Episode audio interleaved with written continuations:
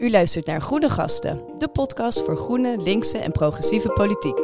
Om de zoveel weken spreken wij denkers en doeners die de wereld een beetje mooier maken. Ik ben Noortje Thijssen. En ik ben Hans Rodeburg.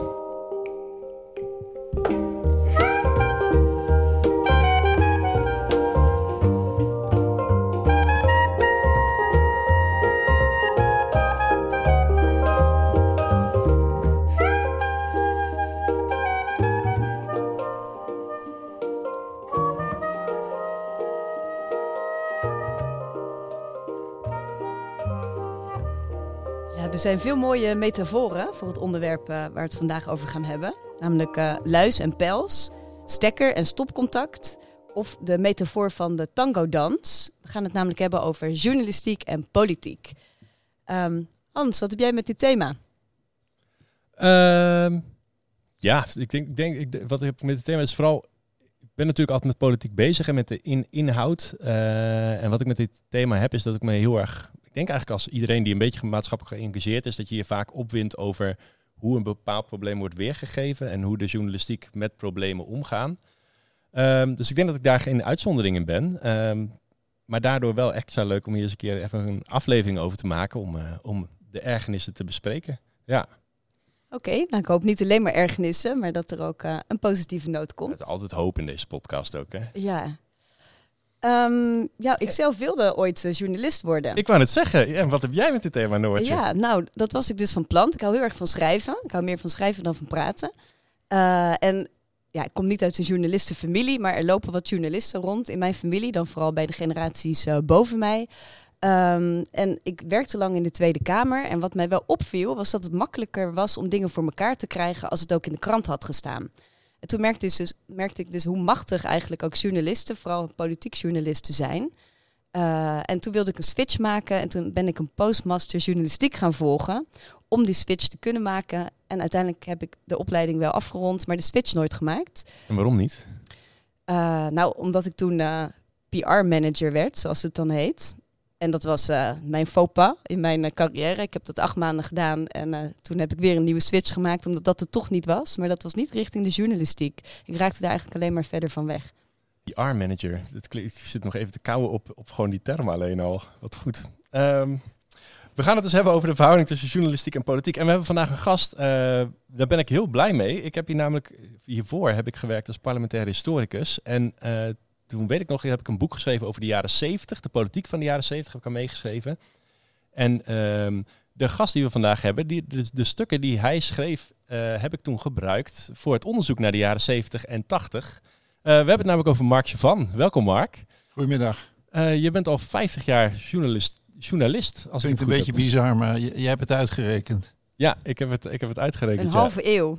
Moet je het niet erger maken. Ja, je hebt dat grotendeels voor NSC gedaan. eh, en tegenwoordig schrijf je voor de correspondent politieke beschouwingen.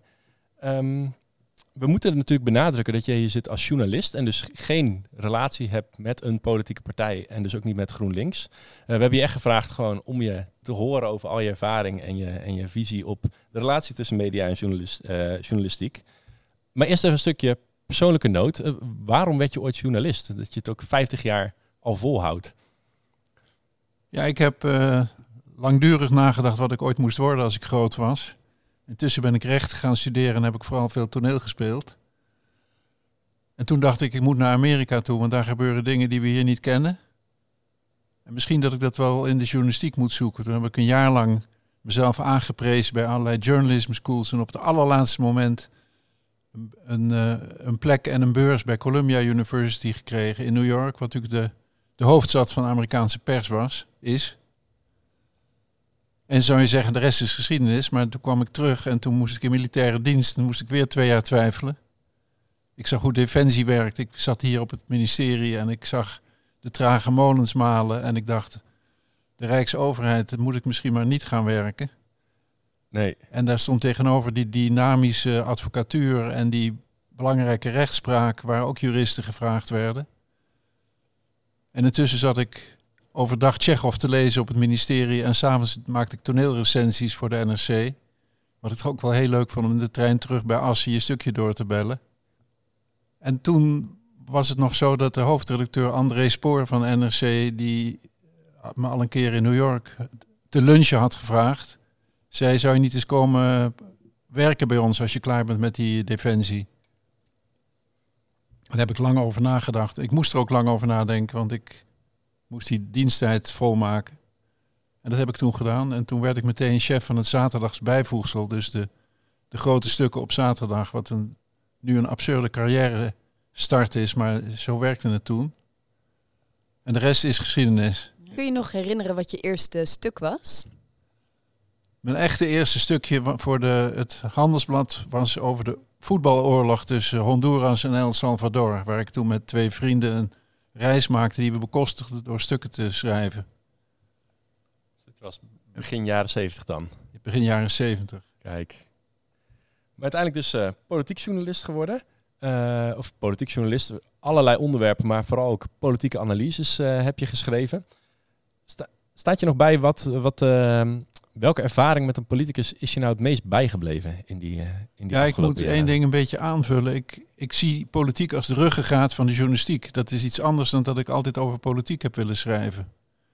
Dus ik heb in mijn buitenlandse correspondentschappen in, in Engeland, Frankrijk en Amerika altijd de politiek als rode draad. Want daar maakt een volk duidelijk wat ze willen, wat ze niet willen, waar ze boos over zijn. Het is de, als het ware de grote invoegstrook van een land.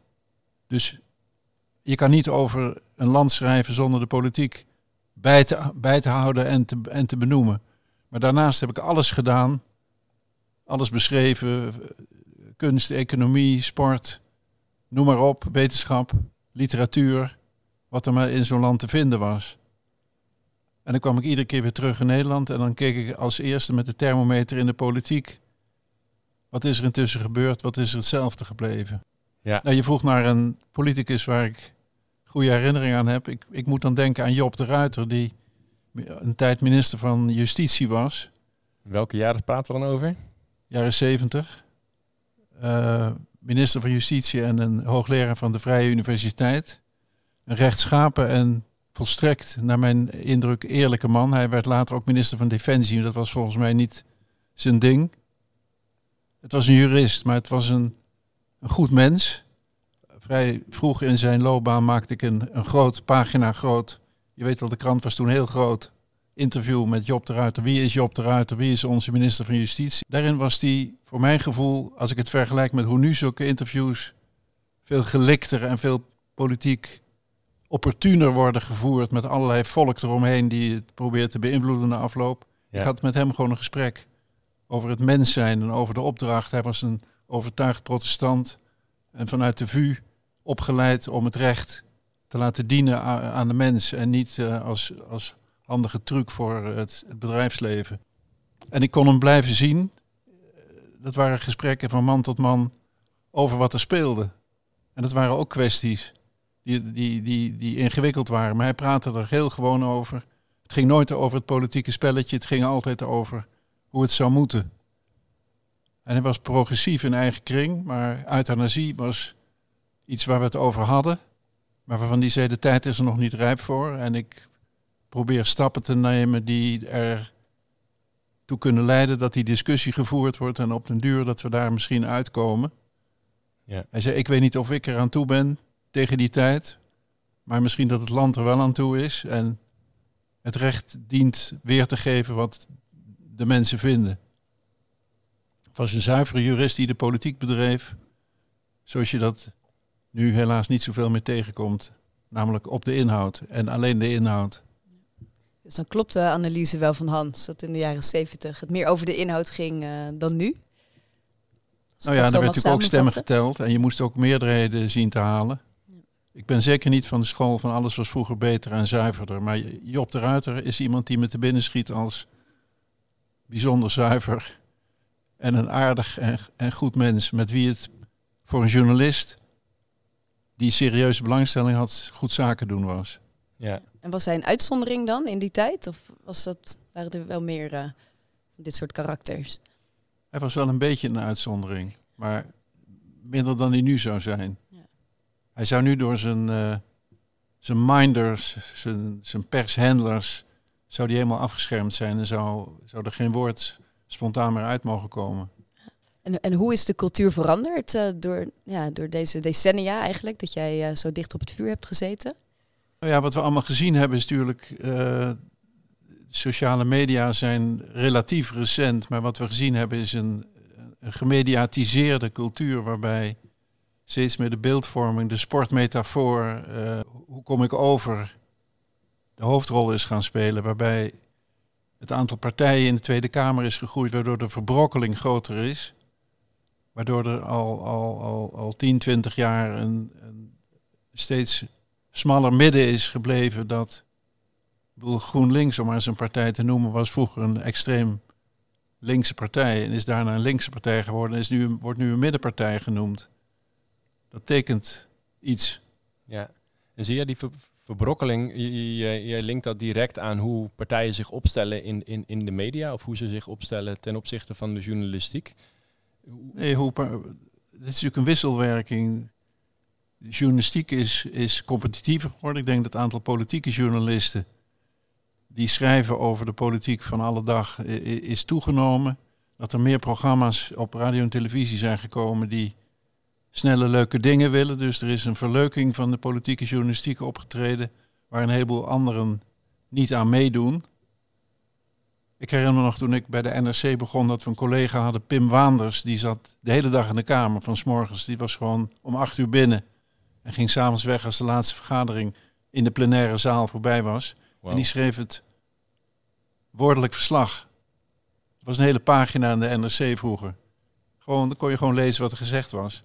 Hij vatte het samen en heel knap en verwees naar wetsontwerpen en eerdere moties, maar hij schreef gewoon het verslag.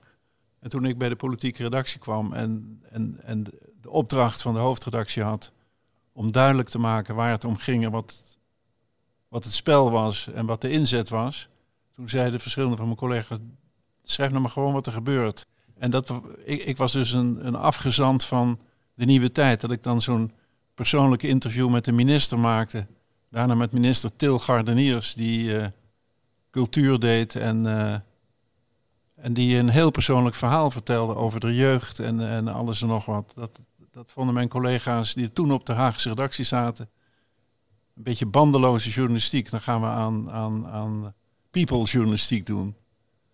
Terwijl mijn overtuiging was, ik wil de lezers laten zien wie de mensen zijn die over grote onderwerpen namens ons uh, beslissen in overleg met de Kamer. Dus ik, ik, ik deed het met een politieke belangstelling. Later is dat natuurlijk minder geworden en is het steeds meer het spelletje geworden waarop iedereen tippelt en waar uitzendingen, extra uitzendingen en berichtjes, grote koppen. En daarna de sociale media die alles als een soort vliegwiel in plaats van dagen in secondes opknippen. In spannende brokjes. Ja. En partijen hebben zich daartoe te verhouden. Ik denk dat een van de dingen waardoor het erger is geworden, is dat partijen het doel van de verjonging wat absoluut hebben ingevoerd. Ik herinner me dat bij de VVD waren vroeger van die Kamerleden die al een jaar 24 zaten. Die wisten precies wanneer je een motie moest indienen. En wanneer dat het handigste en het nuttigste en het effectiefste was. Op een goed moment ging de VVD en de het CDA en andere partijen zei... je mag niet langer dan twee periodes in de Kamer zitten. We moeten verjongen, we moeten evenveel of meer vrouwen hebben. We moeten jonge mensen hebben, we moeten regionaal spreiden. Het waren allemaal loffelijke strevens met gevolg was dat je een Kamer had van nieuwelingen. Waar dan weer bij kwam dat die nieuwelingen vaak het moeilijk vonden om, om greep te krijgen. En dus binnen vier jaar vaak weer vertrokken waren om burgemeester van hun dorp te worden. Waardoor je een Kamer kreeg die eigenlijk zijn eigen rol niet goed kende. En Kamerleden die dachten, ja, ik moet wel in de krant komen of ik moet wel in uh, SBS Show News komen. Want anders weet niemand dat ik Kamerlid was. En dan kom ik niet op de lijst. Dit is dan heel erg de politieke dynamiek die daarin is veranderd. Hoe, hoe is de journalistiek daar dan in meegegaan? Of is de journalistiek daarin meegegaan? Ik denk dat de journalistiek uh, aan de ene kant, wat ik zei, al die programma's, al die leuke entertainingprogramma's op radio en televisie, die keken naar het spelletje. En die keken soms naar de human interest van een Kamerlid die iets geks doet. Of een hele bijzondere actie om, om als kansloze op de verkiezingslijst toch gekozen te worden. Dat zijn ook mooie verhalen. Maar er is ook een, een, een stroming gebleven bij de grote kranten en bij de omroepen die serieuze politieke journalistiek wilden bedrijven. En als tegenwicht tegen de, de verfluttering van de politieke journalistiek heb je ook een hele stroming naar onderzoeksjournalistiek gekregen. Ik denk wel eens dat onderzoeksjournalistiek eigenlijk is wat journalistiek van oudsher was, namelijk uitzoeken hoe het zit als het je niet verteld wordt. Het is een misverstand dat je op een persconferentie moet horen hoe het zit. Je hoort op een persconferentie wat een bewindspersoon kwijt wil. Of zijn ministerie kwijt wil. Ja, dat herinner ik ook wel uit, uit het onderzoek wat ik dan heb gedaan naar, naar, de, naar de parlementaire politiek van de jaren zeventig. Dat heel vaak de duidingen daar, of het politieke nieuws, dat de journalist, de journalist gaf daar zelf ook wel een duiding aan wat er werd gezegd door de verschillende partijen. Tegenwoordig valt me op dat heel vaak iets wordt neergezet als de partij A vindt dit, partij B vindt dit.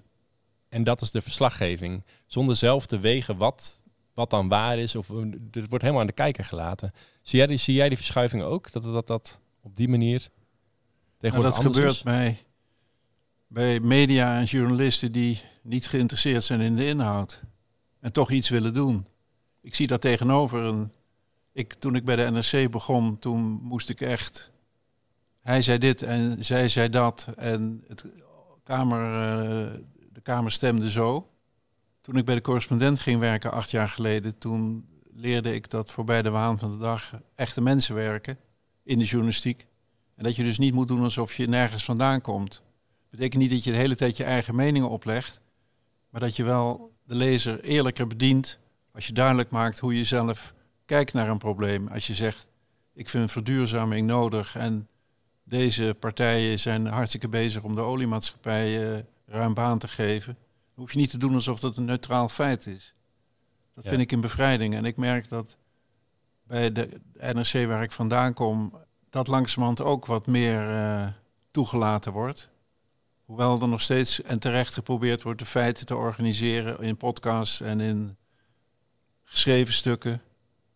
Zodat de lezer ook zijn eigen oordeel kan vellen. Niet alleen maar met de mening van journalist X of Y zit.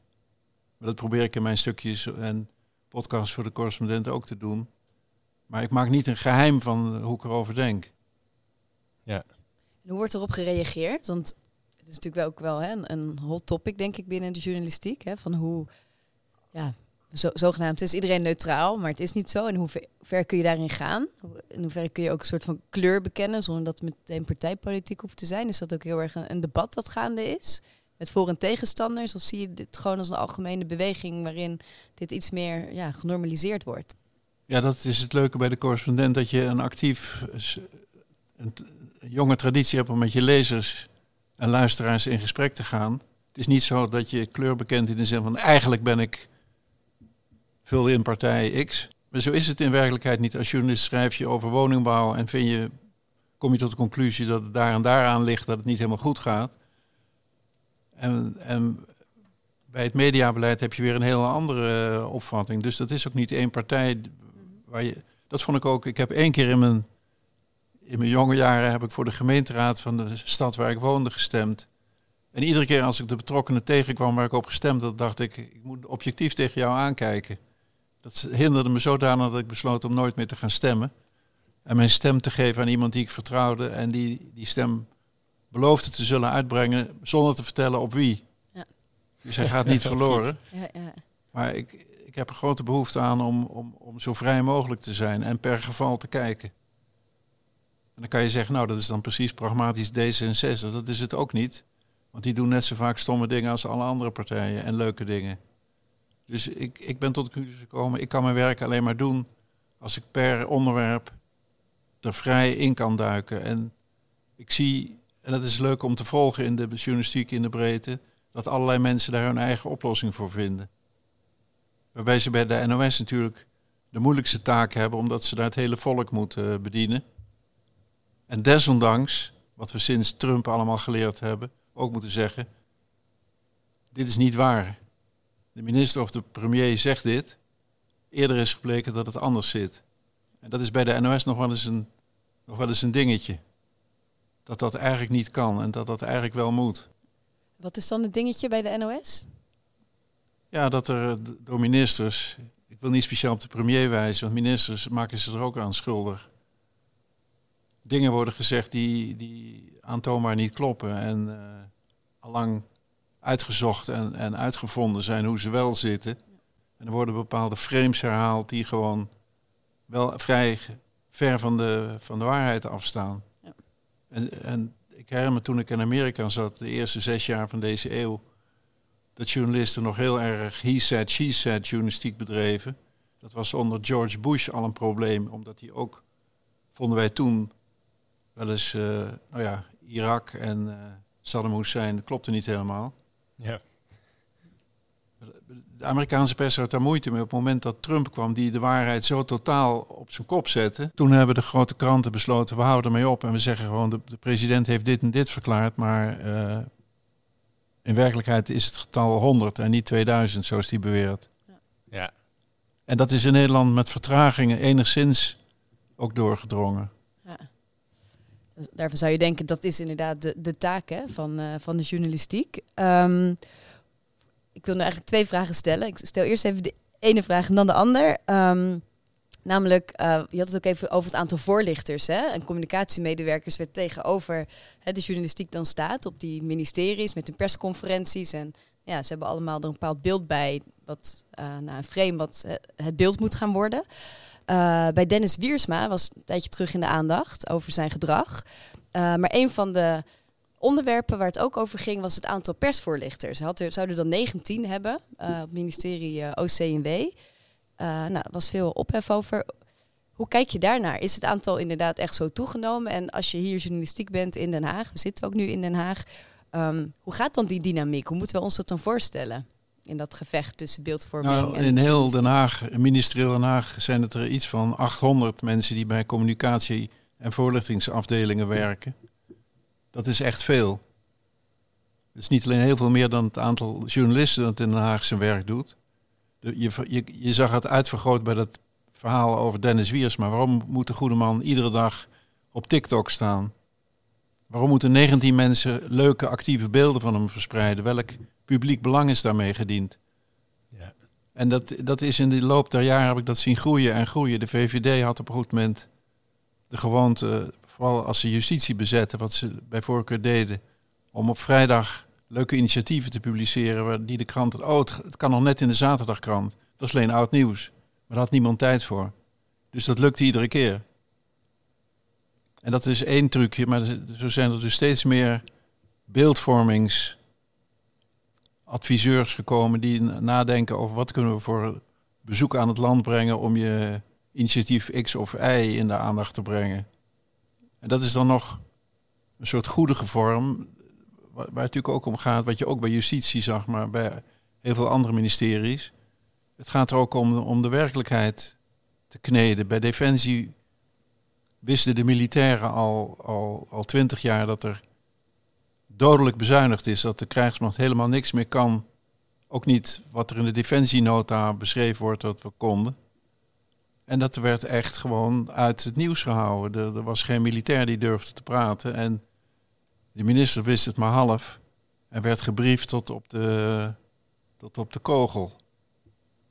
En het was Oekraïne, de Oekraïne-oorlog die opeens als een soort dam doorbraak, is een foute beeldspraak, maar daartoe leidde dat we de werkelijke feiten over defensie begonnen te horen. En wat dat betreft is dus het aantal voorlichters dat goed nieuws promoot en beeldvorming als doel heeft, is een regelrechte bedreiging van de democratie de Tweede Kamer krijgt de feiten niet. Mee te maken heeft is dat die, die, die zucht naar controle van wat er gebeurt. Kort geleden kwamen de inspecteurs-generaal van de, de, ministeries, dus die kijken naar de uitvoering, de onderwijsinspectie, de gezondheidsinspectie, noem maar op, kwamen met een ongebruikelijk uh, brief naar het kabinet. Willen jullie zorgen dat je ons niet politiek gaat beïnvloeden? Wat dus gebeurd is dat en dat, dat heb ik al, al jaren geleden ook beschreven, dat steeds vaker de, de inspectie instructies krijgt. Dat rapport van jullie, dat bevalt ons op dit moment niet zo heel goed. Met het klopt niet zo met het beleid. Dus als je dat nou nog even wat een jaar langer uitzoekt, dan horen we daar tegen die tijd wel weer. Of weer die laatste alinea eruit halen, die is wel heel scherp geformuleerd. Dat is niet prettig. Ja. En dus die inspecteurs-generaal, die hebben nu in, in interview in de NRC en andere plekken hebben ze een dringend beroep gedaan. En dat is echt, dat is echt belangrijk. Want voordat die mensen zich uitspreken zonder toestemming van hun ministers, Ja, precies. dat is in de huidige cultuur is dat ongebruikelijk. Maar het zou doodnormaal moeten zijn. De inspecteur van de krijgsmacht moet gewoon zeggen, er zijn geen kogels. Ja. Heb je het ooit gehoord? I, I didn't. En hoe, hoe wapen je je nou als journalistiek tegen, de, tegen die steeds verdere uitbouw van, van, van het aantal persvoorlichters? Is, is er een manier waarop je als journalistiek kan, dat kan weigeren, die samenwerking, of eromheen kan Ja, werken? het is een beetje een wapenwedloop. Daarom heb je ook steeds meer echte onderzoeksjournalistiek nodig bij de grote media. Want het is heel duur. Het duurt maanden voordat je weet of je überhaupt beet hebt of niet. Maar je moet dus veel langer graven. En ik heb in de loop der jaren op, op allerlei ministeries ook ambtenaren gekend met wie ik regelmatig belde of koffie dronk. Gewoon om te horen wat er speelde. En dan soms zei ze, dit komt eraan, maar daar mag je nog niet over schrijven. Nou, dat deed ik dan niet, tenzij het heel erg eh, dringend was. Dat mag allemaal niet. En dat doen natuurlijk journalisten nog steeds. Maar ambtenaren hebben, de- lopen grote risico's. Ik heb ook ambtenaren meegemaakt die, als ik iets schreef wat ze me een jaar geleden verteld hadden, dat ik in een bijzin zonder toeschrijving in een stukje gebruikte, dat ze opbelden, wat heb je nou gedaan? Ik zei, maar het is toch de waarheid? Ja, het is wel de waarheid, maar je hebt het van mij. Ik zei, nee, jij hebt het ook verteld. Ja. Dus er heerst ook een soort, ik haat het woord, maar een soort angstcultuur binnen ministeries. Van weegebeente praat niet met de pers. Nee, maar dat is gewoon een algemene regel tegenwoordig. Als ambtenaar mag je überhaupt nooit met een journalist praten.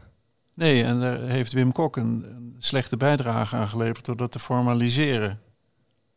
Ik dacht bij de nieuwe bestuurscultuur van dit kabinet, Ja. eh, zogenaamde Oekase Kok, waar het dan over gaat, dat dat ook weer afgeschaft ging worden. Ja, merk je het? Nou, dat was mijn vraag aan jou. Merk je het? Nee, natuurlijk niet. Niemand Nee. merkt er iets Nee, van. toch? Nee. Nee.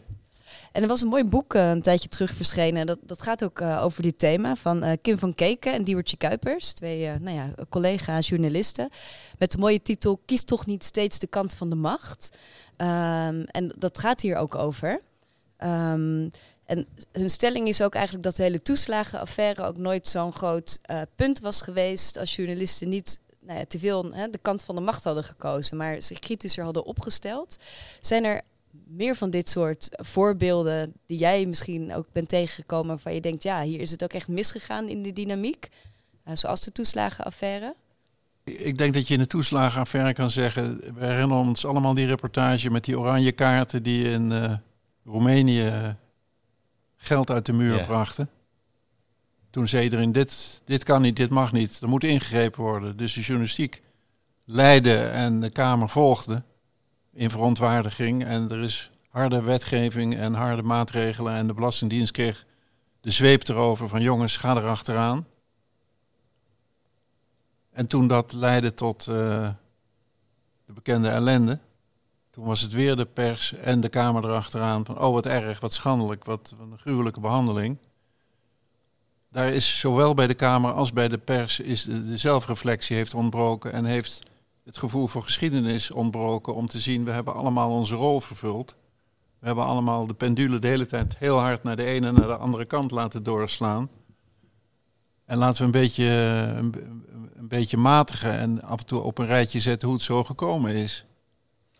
Want eh, wat gaat er volgens jou fout dan echt specifiek bij de journalistiek bij dit soort, bij dit soort gevallen? Want je zegt het begint met de journalistiek en op een gegeven moment ging het weer verder dankzij de journalistiek of door de journalistiek en de politiek volgde. Heeft, moet de journalistiek daar dan anders in opereren? Nou, je kan bij de toeslagaffaire zeggen dat Trouw en RTL eh, daar leidend in waren. En bij de NOS hebben ze ook wel toegegeven dat ze alleen daarom uit een soort jaloezie de métier een beetje langzaam waren erin.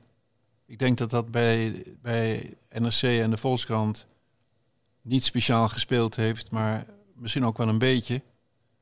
Er is in het algemeen een soort, een soort eredivisie, een zelfbenoemde eredivisie van de, van de pers die met elkaar, die elkaar serieus neemt. Wat ik merk dat bij de correspondent regelmatig hele goede onderzoekstukken staan. En bij Follow the Money, idem dito, die door de, zeg maar de, de klassieke pers genegeerd worden omdat het niet een van ons is.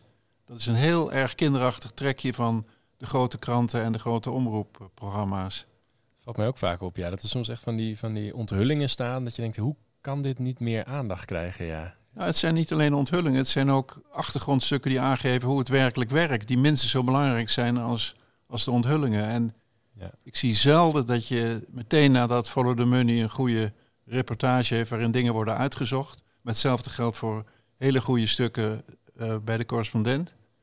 Dan zie je zelden dezelfde dag of de volgende dag in de kranten of bij de nieuwsuur. Hé, hey, we hebben dit eh, gezien.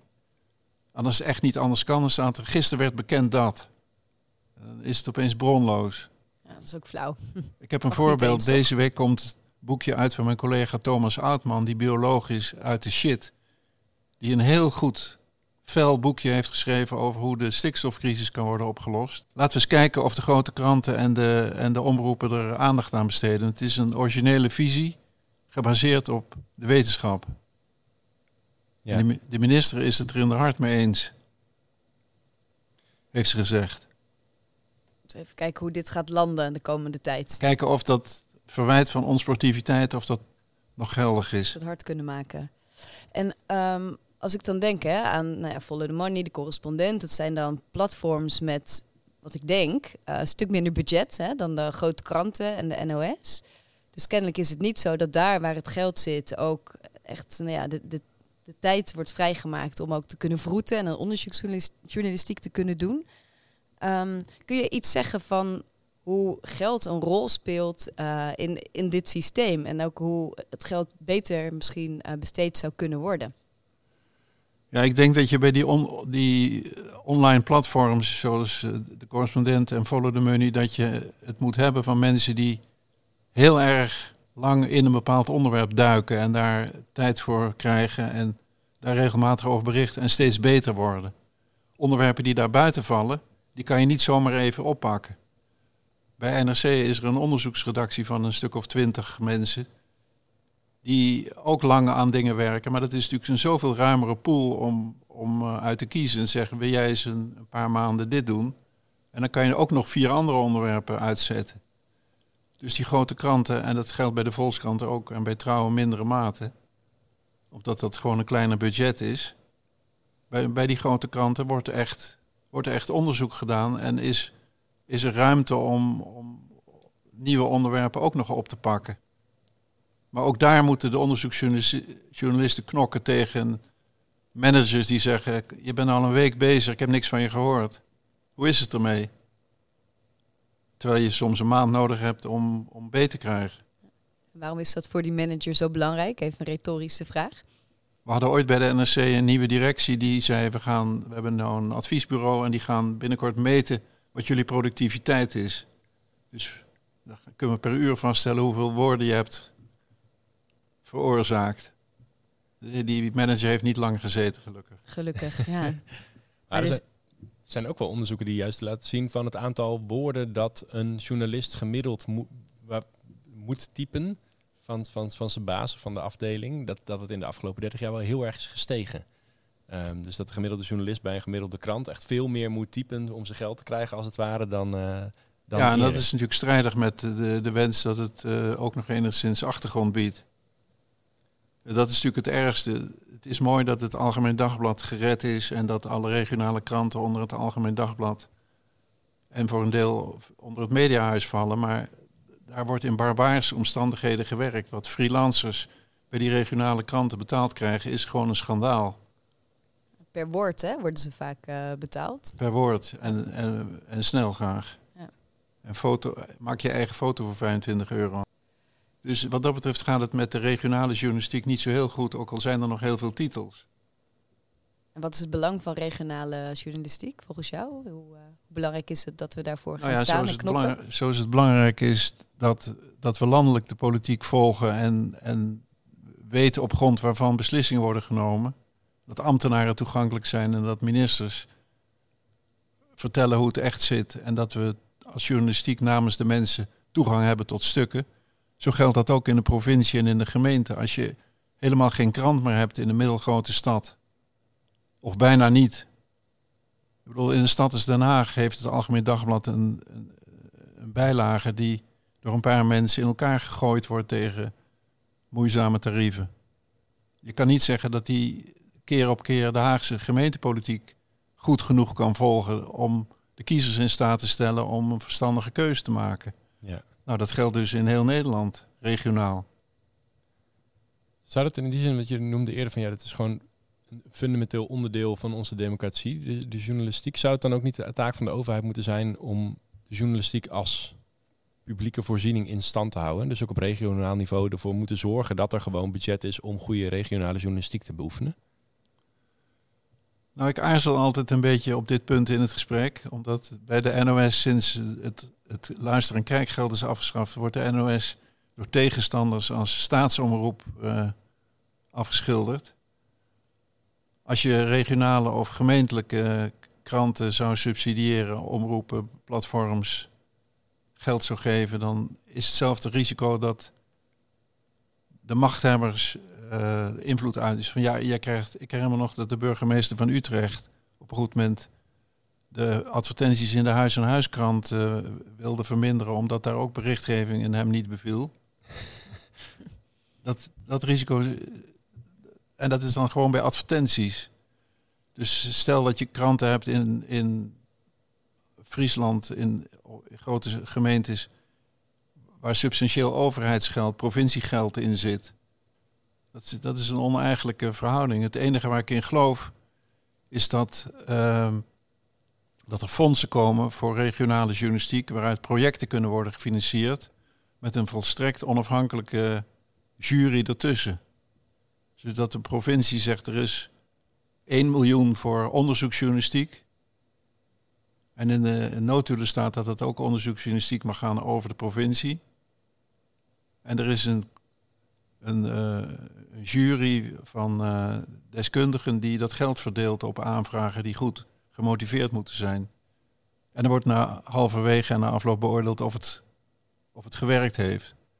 Ik denk dat je daarmee de, de, de lokale journalistiek wel kan versterken. En op sommige plekken lukt dat ook. Ja, bestaat dat al? En waar?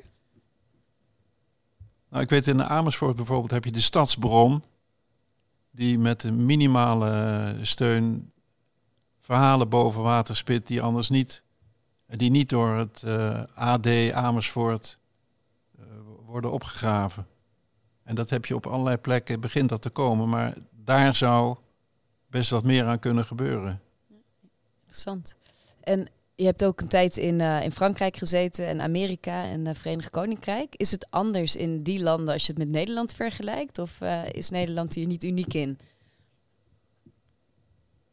Dat is wel een hele brede vraag, als ik eerlijk mag zijn. Ja, nou, ik heb het over, over de, de journalistiek en ook voor de lokale journalistiek. Wat je wel dat, overal de kwaliteit ziet... hier in Nederland is echt naar beneden is gegaan en er weinig mensen er weinig voor over hebben, er weinig geld is. Ja. Is het anders in die landen? Je ziet overal de, de, kaalslag. Ja, Amerika zie je van die in de, in de vakbladen de death of the newsroom. Dus dat de lokale redacties worden overgenomen door landelijke netwerken die landelijk uh, nieuws uh, uitpompen en een, een, klein beetje plaatselijk. Het is in grote trekken dezelfde ontwikkeling, maar in Amerika natuurlijk uitsluitend commercieel. Terwijl in Nederland we in ieder geval een gesprek hebben over de vraag of er mogelijkheden zijn om fondsen in te richten. Je hebt in Nederland ook het Fonds Bijzondere Journalistieke Projecten die heel wat onderzoeksjournalistiek uh, subsidiëren. We hebben net de uitreiking van de Loop de prijs voor onderzoeksjournalistiek van de VVOJ, de Vereniging van Onderzoeksjournalisten, weer gehad vorige week. Daar was het aantal inzendingen ongekend hoog. Het lijkt wel te verdubbelen per jaar. En veel meer dan in Vlaanderen, waar het is een Vlaams-Nederlandse vereniging. Het blijkt dat het, je zou kunnen zeggen, ook door het subsidiebeleid van de onafhankelijke fondsen, dat er meer aan onderzoeksjournalistiek wordt gedaan. Je hebt een platform als Investico en die maakt bijvoorbeeld kranten als het FD en de Trouw mogelijk om onderzoeksjournalistiek te brengen, zonder dat ze zelf daar een hele grote redactie voor hebben. Ja, want er wordt echt door kranten dan samengewerkt aan specifieke onderzoeken, toch? Ja. ja. En is, maar is Nederland hier dan uniek in, in dit soort projecten? Ik vind het altijd moeilijk. Uh, voor ons Rutte zijn we in allerlei dingen heel uniek. Dat weet hij helemaal niet en ik weet het ook niet. Nee. Ik vind het moeilijk om te zeggen. Ik heb in Frankrijk gezien dat de regionale kranten ook een redelijk noodlijdend soort sportkrantje geworden is op veel plekken. Maar of er nou toevallig in Nantes een hele goede uitzondering is, weet ik gewoon niet. Oké, ehm, we waren een beetje bij eh, het thema eh, oplossingen beland. En uh, nou, mooi idee van, van die fondsen. Zijn er ook andere oplossingen die we ons kunnen voorstellen om nou ja, de journalistiek, de politieke journalistiek te redden? nou, wat het, het beste is, het erover hebben en de mechanismen te benoemen en bloot te leggen. En als serieuze journalisten ons af te vragen wat we kunnen doen om en onze directie en de hoofdredactie tevreden te stellen en ons, onze uiteindelijke verplichting aan de, aan de lezer en de luisteraar en de democratie waar te maken. ik vind dat er een heleboel goeds gebeurt in de Nederlandse journalistiek. De beschuldigingen daarvan dat het staatsmedia zijn is echt onzin. Die hebben we helemaal niet. Af en toe zal bij gebrek aan tijd zullen mensen wel eens een persbericht overnemen. Daar moeten we dan kritisch op zijn. Maar een bende is het helemaal niet. Duidelijk. Ik denk dat wij naar de laatste vraag toe gaan, of niet? Dat denk ik ook. Ja. Wil jij hem stellen? Ja, want dat is, een, dat is wel een uh, leuke vraag. Vooral om, inderdaad omdat je als onafhankelijk journalist opereert. Maar onze traditionele vraag is altijd, wat zou je doen als je minister was? Uh, dus en jou de vraag, wat zou je doen als je partijloos uh, minister zou worden van cultuur en media? in het volgende kabinet, wat zouden de drie maatregelen zijn die wat jou betreft snel zouden moeten worden ingevoerd op dit thema?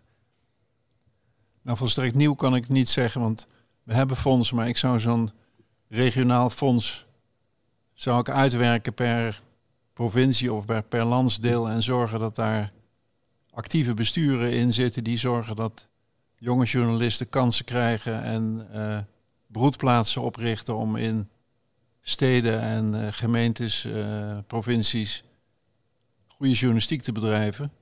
Ik vind dat geen enkele gemeenteraad of provinciale staten mag vergaderen zonder dat er een journalist op de, tribune zit. En dat gebeurt heel vaak. Het zou een goede basisregel zijn om lokaal in te voeren als gemeenteraad. Ja. En verder denk ik dat ik uh, veel moeite zou doen in Europa om te zorgen dat uh, de journalistieke waarden en de persvrijheid in de hele Europese Unie gerespecteerd wordt. En wij kunnen niet beschikken over andere landen, maar we kunnen ze wel onder druk zetten via de gemeenschappelijke Europese Unie. En dat zou een speerpunt moeten zijn waar de Europese Unie geen concessies doet en waar wij moeten behoren tot de landen die daar achterheen zitten. Mooi. En verder zou ik me regelmatig uitspreken als de persvrijheid bedreigd wordt in Nederland. En mijn collega-ministers vragen dat ook te doen. Gebeurt het nu te weinig wat jou betreft? Nou, ministers die thuis bezocht worden door uh, mensen met uh, hooivorken, dat hoort niet. Journalisten die dat willen verslaan en met dezelfde hooivorken en shovels worden ontvangen, dat hoort ook niet. En dat is deel van deze minister. En in dit geval werd de minister bedreigd. Wanneer werd, wordt de journalistiek dan bedreigd? Is er dan een voorbeeld wat je kan noemen waarvan je ook zegt... ja, dan zou ik ook hè, als minister uh, voor cultuur nou, en media voor die journalisten gaan staan? Er was een fotojournalist in uh, het noorden des lands... die door een uh, shovel werd bedreigd toen hij zijn werk wilde doen... en met zijn auto in de berm werd gereden. Oké, sorry. Ik dacht dat het over minister K ging. Uh, nee, dat gaat niet over K. Het ging over een journalist. Nee, dat was eerder, een jaar eerder. Ja. ja. Nee, het is inderdaad. En NOS-journalisten die rijden NOS, mij ook al zonder bestikkering op hun bus, omdat ze bang zijn uh, ja, aangevallen te worden. Ja. Ik, ik denk dat het nodig en nuttig is als de minister van Media en Cultuur daar regelmatig heldere uitspraken over doet. En het kabinet aanraadt om dat ook te doen. En de Kamer ook uitnodigt om daar uitspraken over te doen aan te geven waar de grenzen zijn en wat niet meer kan. Mooi. Nou, dan nog uh, ter afronding een blokje reclame. Ja, ja want uh, allereerst natuurlijk uh, willen je vragen, vond je deze podcast nou uh, zeer aansprekend? Verspreid hem vooral onder, onder mensen die je kent en, en like hem. Dat helpt ons heel erg om, om meer mensen te bereiken. Daarnaast, we hebben ook een tijdschrift, tijdschrift De Helling. Um, word vriend van ons en je ontvangt hem, ontvangt hem thuis. En als laatste, heel leuk, um, wij gaan een boek uh, uitgeven. Hij is vorige week naar de corrector gegaan. Heerlijk.